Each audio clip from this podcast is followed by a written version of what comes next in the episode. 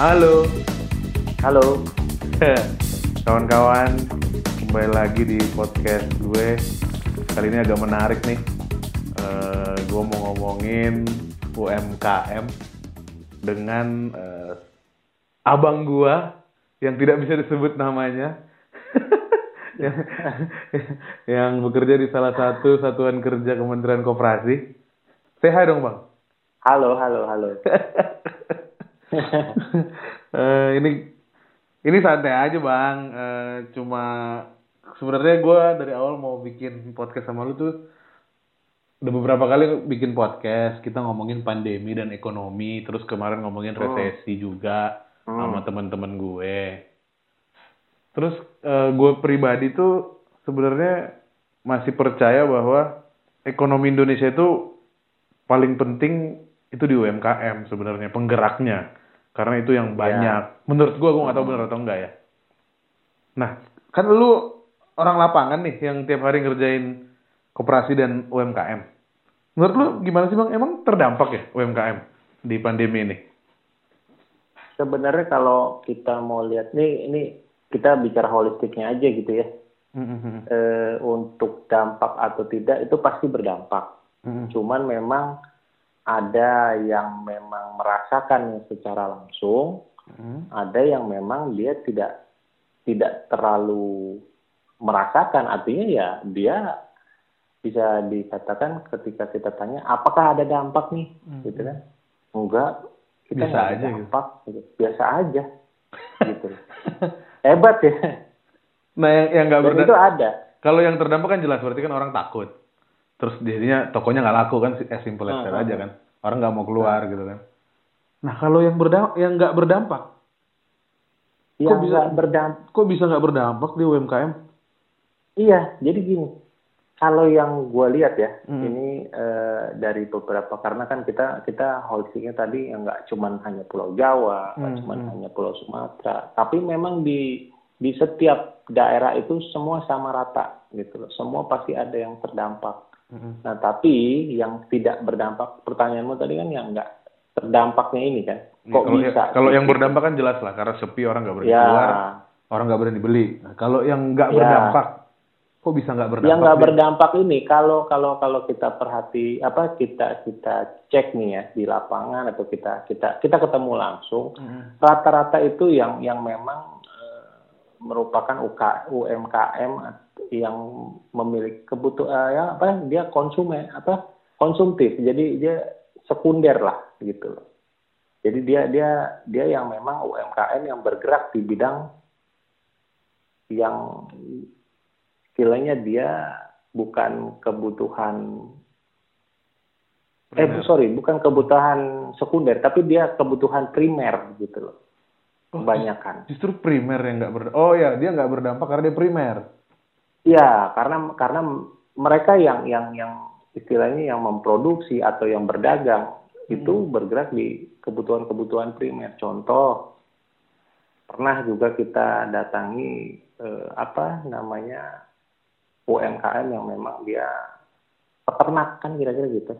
Mhm. Kita tanya nih, ada nggak sih dampak yang yang selama COVID ini atau ada nggak sih eh, pengaruh? Dia merasa bahwa oh kita nggak ada sama sekali, bahkan kebutuhan kita meningkat, kaget dong kita.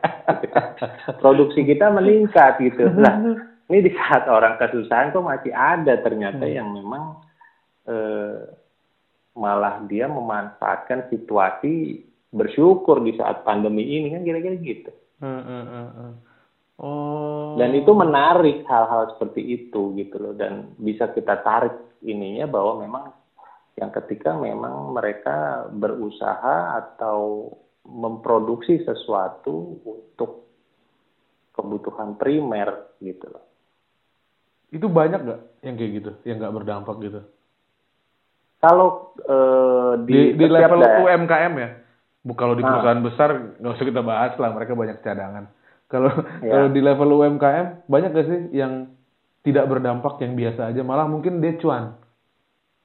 Bahkan eh, kalau kalau kita bandingkan dengan yang berdampak, Hmm. pasti lebih sedikit yang yang tidak berdampak ini. Kan Oh, gitu. tetap lebih sedikit.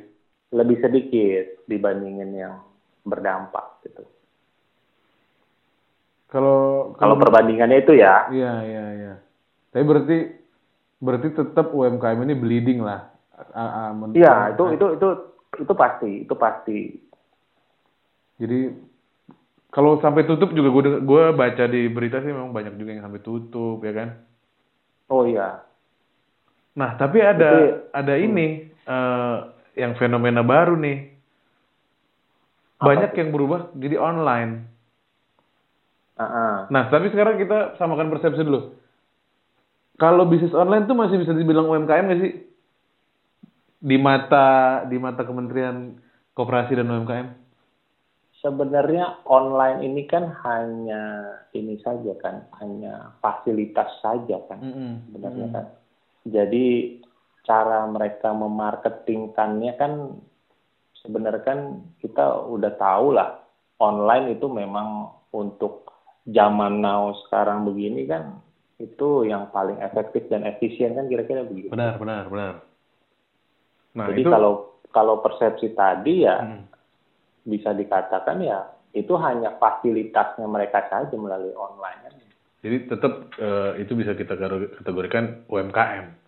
Oh iya dong. Nah, dan itu setahu gua dan sebaca gua mereka malah makin cuan. Ya, Nah, tapi it- itu nanti kita bahas yang offline. Yang online ini berarti masuk di radar pemerintah nggak sih sebagai UMKM? Atau Sebenarnya atau tak- nggak atau nggak bisa terdeteksi?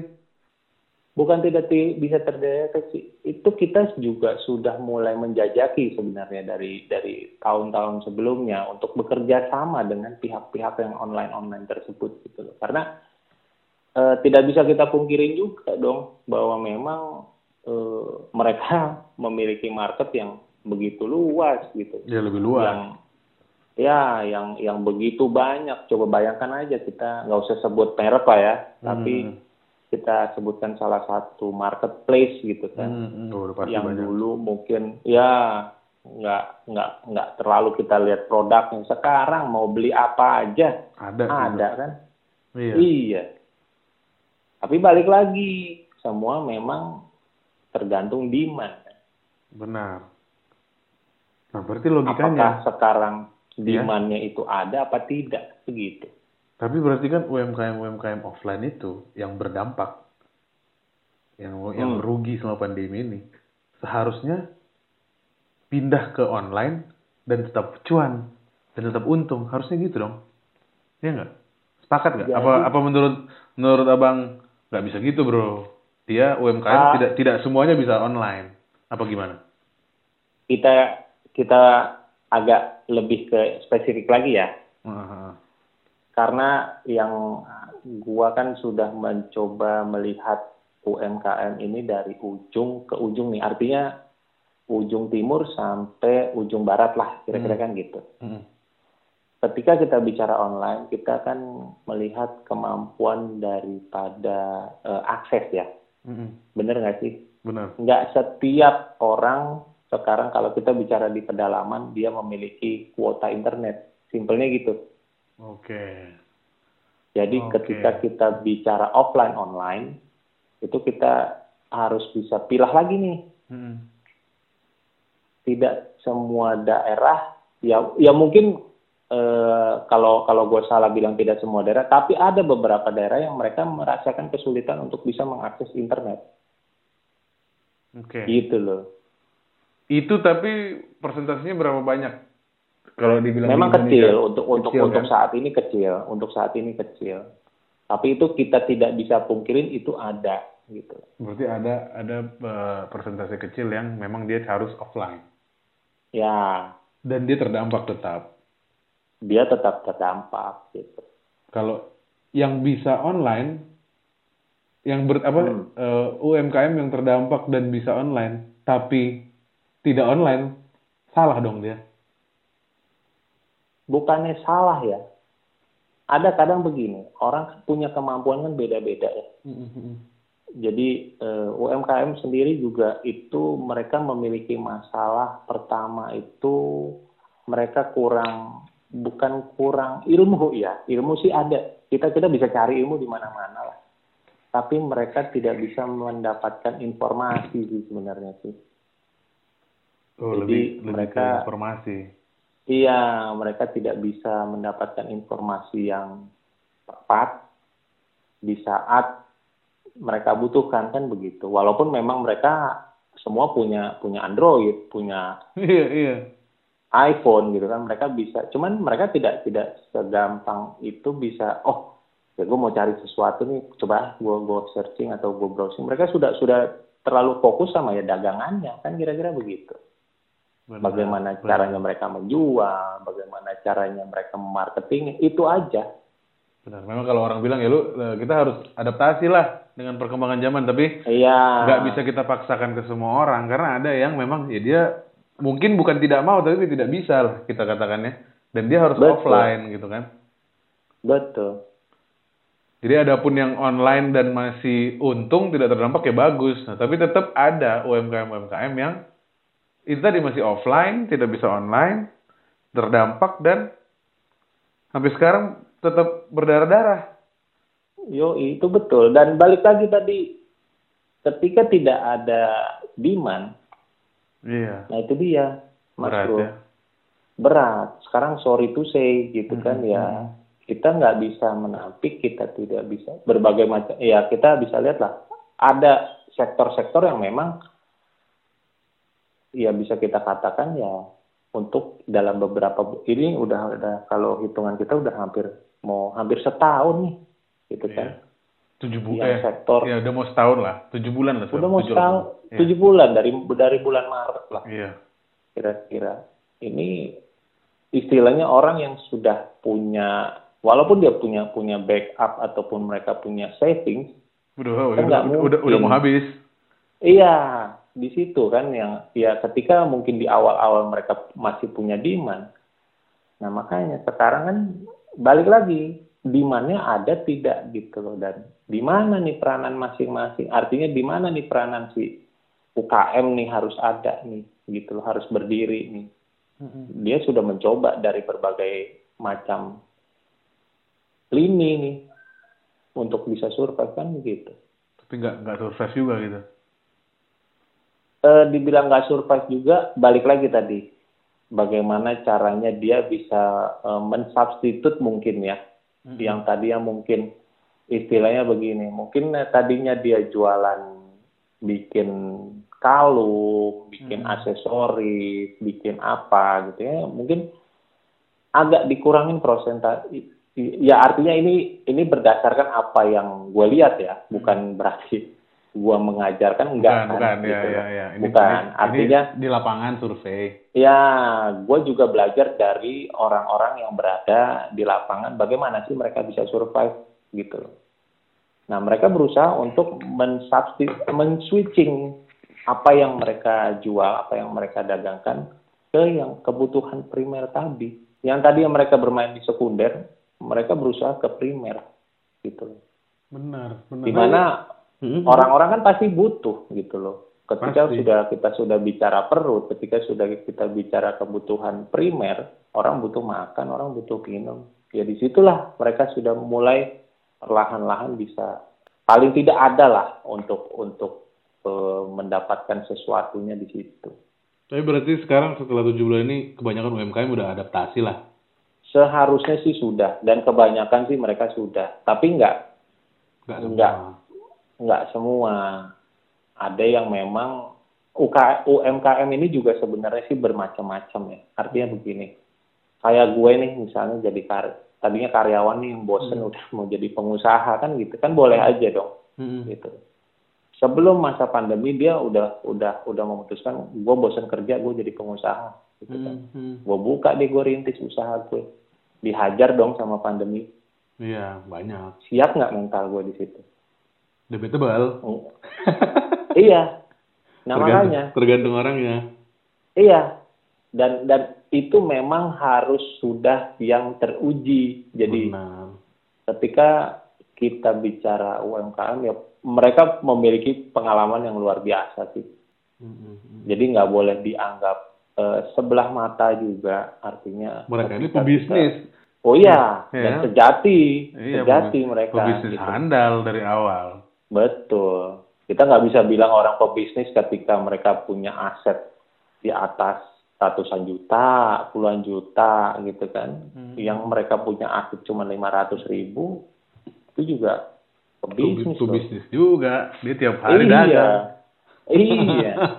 Yang 50 ribu asetnya juga itu pebisnis loh. Iya gitu kan. benar, sepakat, sepakat, sepakat. Jadi sebenarnya ya Gitu, Bos. UM- UMKM eh sekarang kebanyakan adaptasi lah. Dan sebenarnya harus adaptasi ya.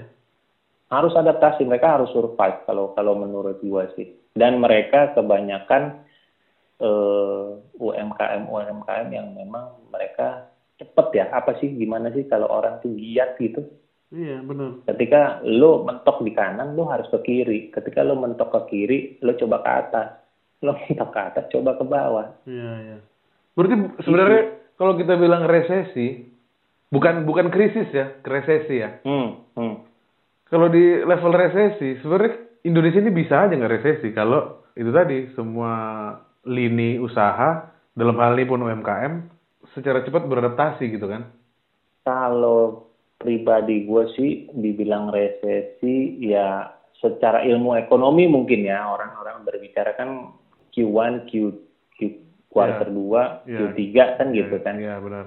Nah, cuman kan biasanya kan para ekonom ini kan jago lah untuk untuk menghitung itu. Tapi ketika kita yang gue percayain sendiri, Indonesia tuh punya dari Sabang sampai Merauke alam yang melimpah ya. Mhm. Jadi kalau setiap orang bisa memanfaatkan itu, ya istilahnya UMKM itu bisa memanfaatkan hal-hal tersebut.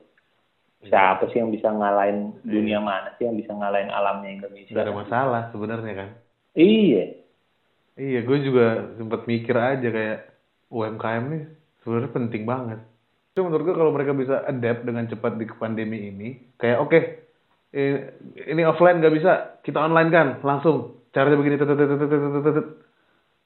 Sebenarnya sebenarnya aman-aman aja. Cuma ya itu, kita nggak bisa berharap semua kayak dari awal kita bilang kita nggak bisa berharap semua orang tahu melakukan itu kan. Mm, Nah di sini sebenarnya peran penting dari pemerintah ya nggak sih? benar. Jadi, Jadi menurut gua harusnya pemerintah harusnya lebih cepat bertindak untuk eh, mensosialisasikan bahwa cepat adaptasi gini caranya jualan online, gini caranya jualan di pandemi gitu gak sih? iya, kalau itu gue sepakat. Artinya balik lagi ya, kita nggak pernah ada yang tahu ini akan terjadi sebenarnya. Benar. Gelombang ini kan kita nggak pernah ada yang tahu nih. Berarti Cuman kita Heeh. bukan nggak pernah ada yang tahu. Kita nggak mau mengakuinya sebenarnya sih dari awal bahwa Dari ini awal. akan kena akan gitu. ada. Heeh. Itu aja sih. Tapi, Kalau tapi terkait dengan lu kan Ah, lu kan semi-semi pemerintah. ah. Pemerintah sendiri ada nggak sih program ininya untuk UMKM adaptasi? Bukan ngasih duit ya, adaptasi gitu, Hmm. pendidikan. Ada nggak sih? banyak banyak. Yang setahu gue ya, Hmm. pemerintah itu dari masa sebelum pandemi pun mereka sudah punya banyak program sebenarnya untuk UMKM ini. Maksud gue program untuk UMKM untuk dapat beradaptasi di masa pandemi. Ada? bukan di masa pandemi aja. Jadi bagaimana caranya mereka bisa naik kelas juga ada. UMKM gitu. naik Jadi- kelas nih, gue suka nih. Mantap, hashtag UMKM naik kelas. iya dong. Kan ketika lo punya aset 10, masa lo cuma 10 aja ya nggak? Iya dong, jadi 20 dong. Harus jadi 200 dong. Wah, Kan 200, gitu. mantap. Optimis itu harus melampaui batas Benar, maksimal benar, gitu loh. benar. Jadi, Jadi memang memang udah ada sebenarnya. Mm-mm. Nah, cuman memang eh, UMKM ini kan banyak jutaan jutaan eh, sektor kira-kira jutaan inilah banyak eh, artinya mereka punya kebutuhan yang berbagai macam tingkat permasalahannya gitu kan Mm-mm. dari dari kita kita bicara pemerintah nggak cuman apa yang gue wakilkan kan kira-kira gitu kan kita Hmm. kita bicara holistik lagi nih Holistik lagi bener dari Kementerian Pariwisata, kesehatan. iya semua semua pasti punya dan semua sudah melakukan tugas dan fungsinya. Nah sekarang balik lagi nih. Memang tidak ada yang yang yang apa yang eh, siap dengan kondisi seperti ini. Tapi harusnya mereka sudah mengantisipasi kan kira-kira begitu. Benar. Nah, di di di masa-masa seperti ini juga sudah banyak juga program-program pemerintah yang yang memang sudah disosialisasikan, yang sudah dijalankan untuk si UMKM itu gitu. Salah satunya nih, itu Hmm. kan program pemerintahnya memang ya mereka membantu si UMKM dengan cara mereka memberikan subsidi bunga gitu. Subsidi bunga ini apa nih maksud subsidi? Bunga kredit ya. Gitu. Jadi dikasih kredit. keringanan lah kira-kira begitu. Oh. Dan ada juga yang memang subsidi bunga diberikan bantuan, misalnya gitu kan. Tadinya kau punya angsuran 10 Mm-mm. disubsidi lah oleh pemerintah. gitu. Jadi nggak usah mengangsur sebanyak 10, Mm-mm. cukup mengangsur sebanyak 7 gitu, Selama pandemi ini. selama pandemi ini. Itu Dan udah, ja- itu udah jalan. sudah jalan, sudah berjalan. Ini ini kita kita terus dalam eh, proses nih, gitu. Mm-mm. Tapi memang selama pandemi ini kan berarti kan misalnya pandemi ini ada 10 tahun selama nggak nggak juga nggak seperti itu juga gitu. Artinya eh, kita kita batasi gitu. Jadi batasi dalam artian kata kita kan punya prediksi sebenarnya. Gitu. Benar. Sampai kapan sih ini gitu kan? Iya. Gitu. Pasti ada analisanya dong. Iya, itu semua punya punya dasar hukum jelas lah kira-kira gitu. Oke, oke. Berarti seharusnya tidak ada dong kalimat-kalimat resesi itu ya? Seharusnya sih janganlah kita bicara apa, jangan kita gaungkan resesi ini. Sa- sangat disayangkan kalau menurut pribadi ya. Gue Benar. tidak tidak berbicara mewakili siapa pun, Benar, gue mewakili diri gue sendiri. Benar. Gitu. Seharusnya tidak ada. Karena memang iya, karena memang yang harus di, dikasih apa yang diberi ini bukan cuma uang gitu. Semangat, Cing. Benar, benar. Ini yang harusnya dari Gimana? awal har- harusnya dari awal pemerintah, Iya. pemerintah itu merangkul ya. Betul. Kita bukan menghadapi Gimana caranya membarakan di saat Bung Karno dulu membacakan teks proklamasi gitu. mantap. iya dong. Tapi ini menarik, gue pernah bilang juga nih Dek, sama sama teman-teman lah, sama kawan-kawan gue. Hmm, Gua bilang, hmm, hmm. Ini pemerintah ini aneh. Corona Hmm. itu sudah dari November di Wuhan. Hmm, Desember Januari itu udah parah banget video-video pandemi corona ini. Yes. Sampai yang di Itali, video yang orang Yes. sesak-sesak apa segala macam. Itu pemerintah masih bilang tidak ada di Indonesia.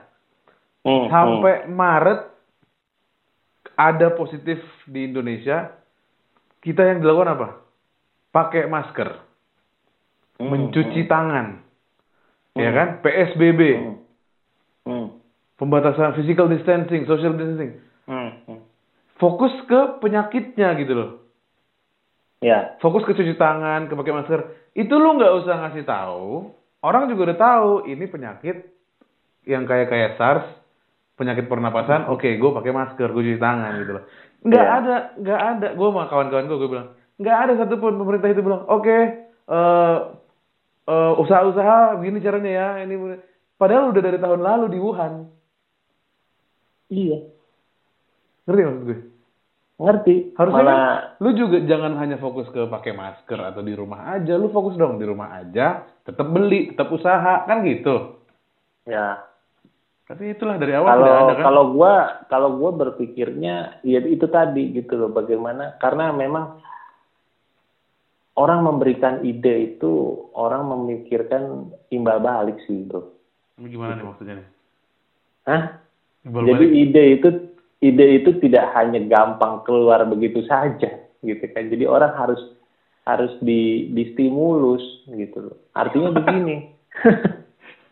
Artinya? Ya kita ketawa aja lah ya. Dibandingin kita terlalu serius ya. Aduh, gawat ya. ah gitu gitu loh. Jadi memang balik lagi tadi gitu loh. Kenapa sih kita bisa dulu eh, setelah pembacaan teks proklamasi gitu kan kita bisa berkobar? Karena memang kita merasakan satu hal yang sama di seluruh Indonesia kan gitu Iya, semangat nasionalisme. semangat kita dijajah sama-sama kan dulu kan Iya, sekarang enggak ya. dari nah ada yang dijajah ada yang menjajah Iya. gitu kan Benar. Benar. jadi rasa-rasa ini tuh harus disamakan dulu sebenarnya kalau menurut gue pribadi sekali lagi ya Gitu. Benar. Kalau tapi kalau di UMKM sendiri udah satu satu rasa dong. harusnya mereka sudah merasakan itu Sepakat. Beberapa teman UM, sepakat beberapa teman UMKM juga sepakat untuk ini pemerintah ini aneh bagi mereka. Karena mereka siap adaptasi sebenarnya. Beberapa kawan-kawan gue melakukan UMKM dan Hmm. gue gue juga melakukan UMKM. Mhm. Itu pasti yang pertama kali kita tanya kan sesama pelaku UMKM. Mhm. Nah itu kita justru, ayo kita beradaptasi gitu. Tapi gue nggak tahu di Indonesia, gue tahu di eh, golongan gue kan, di komunitas Mm-mm. gue gitu. Kita beradaptasi karena kita udah tahu ini dari dari tahun lalu gitu loh. ya Kalau dibilang kita kaget, emang kita kaget. Kita nggak nggak nggak nggak siap bahwa orang akan setakut ini. betul Kita kira bakal kayak kayak dulu SARS atau isu-isu flu babi yang gitu kan. Ini benar-benar sepi, kosong. Mhm. Memang kaget. Cuma di situ kita mau beradaptasi, makanya ini aneh nih pemerintah kok malah resesi ya. Yang di ini kan ya yang Nah, digaung, makanya yang digaung-gaungkan gitu kan. itu kan mungkin ilmu-ilmu yang tinggi aja kalau kita ilmu-ilmu yang memang berdasarkan apa yang real ada di lapangan, kan Lapangan. gitu. Tapi kalau dari lembaga lu sendiri bang, Hmm.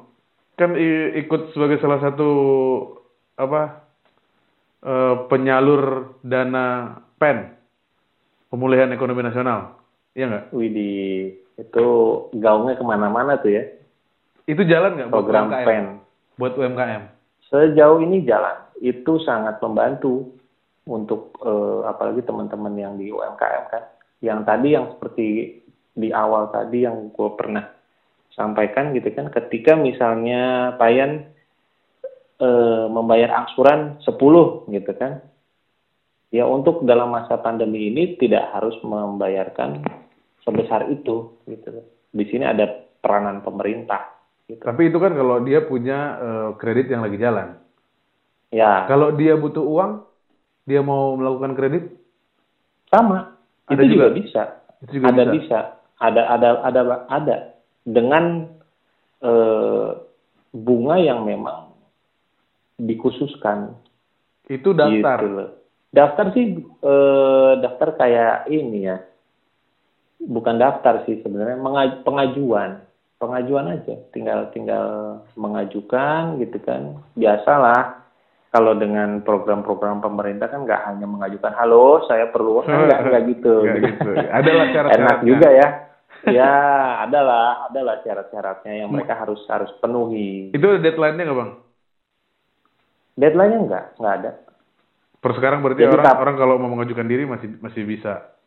bisa bisa artinya eh, bukan diri ya jadi bukan bukan secara pribadi Iya, ya usahanya tapi ya. dia ya usahanya harus berbadan hukum lah minimal gitu. nah Oke. ini juga menarik nih Mhm. ketika berbicara berbadan hukum gitu loh Mhm. Nah, ini memang UKM ini kan nggak selamanya dan tidak semuanya kan memiliki badan hukum kan. Benar. Nah, itu dia gitu. Nah, itulah yang memang eh, mereka sendiri untuk kesadarannya itu masih belum bisa kita bagaimana ya? Itu tadi yang yang balik lagi ke UKM naik kelas tadi. Gitu. Harusnya dia siap untuk berbadan hukum kalau dia mau naik Ya, kelas. ya, ketika misalnya oke, Bapak dan Ibu untuk saat ini bekerja masih sendirian. Mhm. Ini kita naik kelas yuk dengan harus ada sistem misalnya, Benar. dengan harus ada yang membantu menangani mungkin sistem tersebut atau mungkin uh, inventorinya. Nah, kadang-kadang mereka merasa ah nggak perlu gitu loh. Gue dengan dua tangan dan dua kaki masih cukup kok, kan kira-kira gitu. Oh dana ini tapi nggak bisa keluar kalau masih sifat yang kayak gitu ya?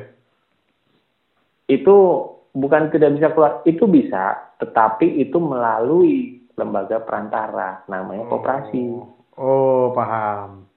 Gitu loh. Di situlah makanya, iya koperasi dan UMKM itu UMKM. Sinergi gitu ya. Betul. Di situlah peranan si koperasi ini, gitu loh. Aha. kepada para anggota-anggotanya. Makanya UMKM itu sebenarnya ketika mereka e, menjadi anggota atau menjadi bagian dari salah satu koperasi ini, mereka tuh nggak sendirian sebenarnya. Banyak nih. Iya. Teman-teman, kawan-kawan yang lain banyak nih gitu kan. Betul. Anggota-anggota koperasi lainnya. Betul. Terkadang mereka informasi-informasi itu yang yang masih terbatas ya untuk untuk hal-hal seperti itu. Mereka berpikir apa sih keuntungannya kita Pak atau Bu menjadi anggota koperasi kan hmm. masih masih masih di situ batasan mereka uh, ininya melihatnya. Gitu. Benar benar benar. Ini tapi kawan-kawan pendengar ini koperasi beneran yang kita bicarakan ya. Bukan koperasi beneran. Bukan koperasi, koperasi beneran. Bukan koperasi koperasian atau rentenir ya, kawan-kawan pendengar. Koperasi beneran ya, koperasi beneran ya. Lu ada pesan gak bang buat kawan-kawan UMKM atau kawan-kawan yang, Kalau yang dengerin untuk, podcast gue? Iya, untuk teman-teman di UMKM, gue prinsipnya gue juga pelaku UMKM sebenarnya gitu hmm. loh yang pasti kita jangan pernah istilahnya patah arang sih. Itu itu itu poin-poin poin buat gue ya gitu. Hmm. Jadi semangat itu adalah awal dari dari segala sesuatunya. Benar. Ketika dulu kita sebelum melakukan sesuatu, gue punya ide tapi gue nggak punya duit. Benar. Duitnya nggak ada gitu ya. Hmm. Giliran duitnya ada nih mau dibuat apaan ya? Gitu kan. benar, benar. Jadi kapan lo mau jadi uh, pengusaha nggak jadi-jadi gitu jadi. kan di saat ide ada duit nggak ada di saat duit ada eh gue nggak punya ide gitu kan hmm. jadi mendingan kumpulin semangat diniatkan apa pun yang ada ke depannya dijalankan itu pasti ada jalan menurut gua. Nah ini kayak podcast gue sebelumnya nih mulai hmm. aja dulu ya. Oh gitu. Yo, eh. masa. Berarti udah udah dibahas di kupas tuntas tuh ya? Belum ya. Kita hanya membahas oh, belum, pandemi, belum, resesi ekonomi, dan memang ada beberapa teman gue yang hmm. bukan pelaku UMKM tapi dia bikin hmm. startup. Ya dia bilang ya gue mulai aja dulu. Mau pandemi mau gimana bodo amat. Dan dia bikin usaha di pandemi dan jalan. Iya. Itu. Iya. Ini yang sebenarnya kawan-kawan pendengar harus lakukan gitu tetap semangat dan mulai aja dulu iya dan itu yang dilakukan Jack Ma juga kan gitu kan benar istilahnya benar. orang mau anggap apa yang penting nah tambah satu lagi solid sih kalaupun memang kita ada partner ya atau kita ya. kita dengan teman-teman ya misalnya gitu. Itu aja sih kuncinya sih. Benar. Ya semangat rame-rame. Semangat ramai-ramai benar, benar. kayak kita proklamasi kan kita hmm. udah dijajah yuk kita lepas dari penjajahan nih. Kan iya gitu. benar. Itu semangat itu yang nggak ada malah ngeluh ya. Nah. Benar benar harus benar. dibarakan kembali semangat itu. Ya biar UMKM naik kelas ya naik kelas betul betul betul mantap itu cita-cita tuh itu cita-cita yang harus eh. terrealisasi ya. Nanti cara mengajukan diri untuk dana itu gue taruh di caption bang ya boleh nggak? Oh boleh boleh boleh. Oke bang kalau gitu thank you banget bang. Siap siap. Atas Anytime. waktunya uh, terima kasih dan buat kawan-kawan pendengar terutama UMKM tetap semangat tetap, tetap laku semangat tetap semangat tetap lakukan usahamu agar UMKM naik kelas. Bye kawan-kawan semua. Bye.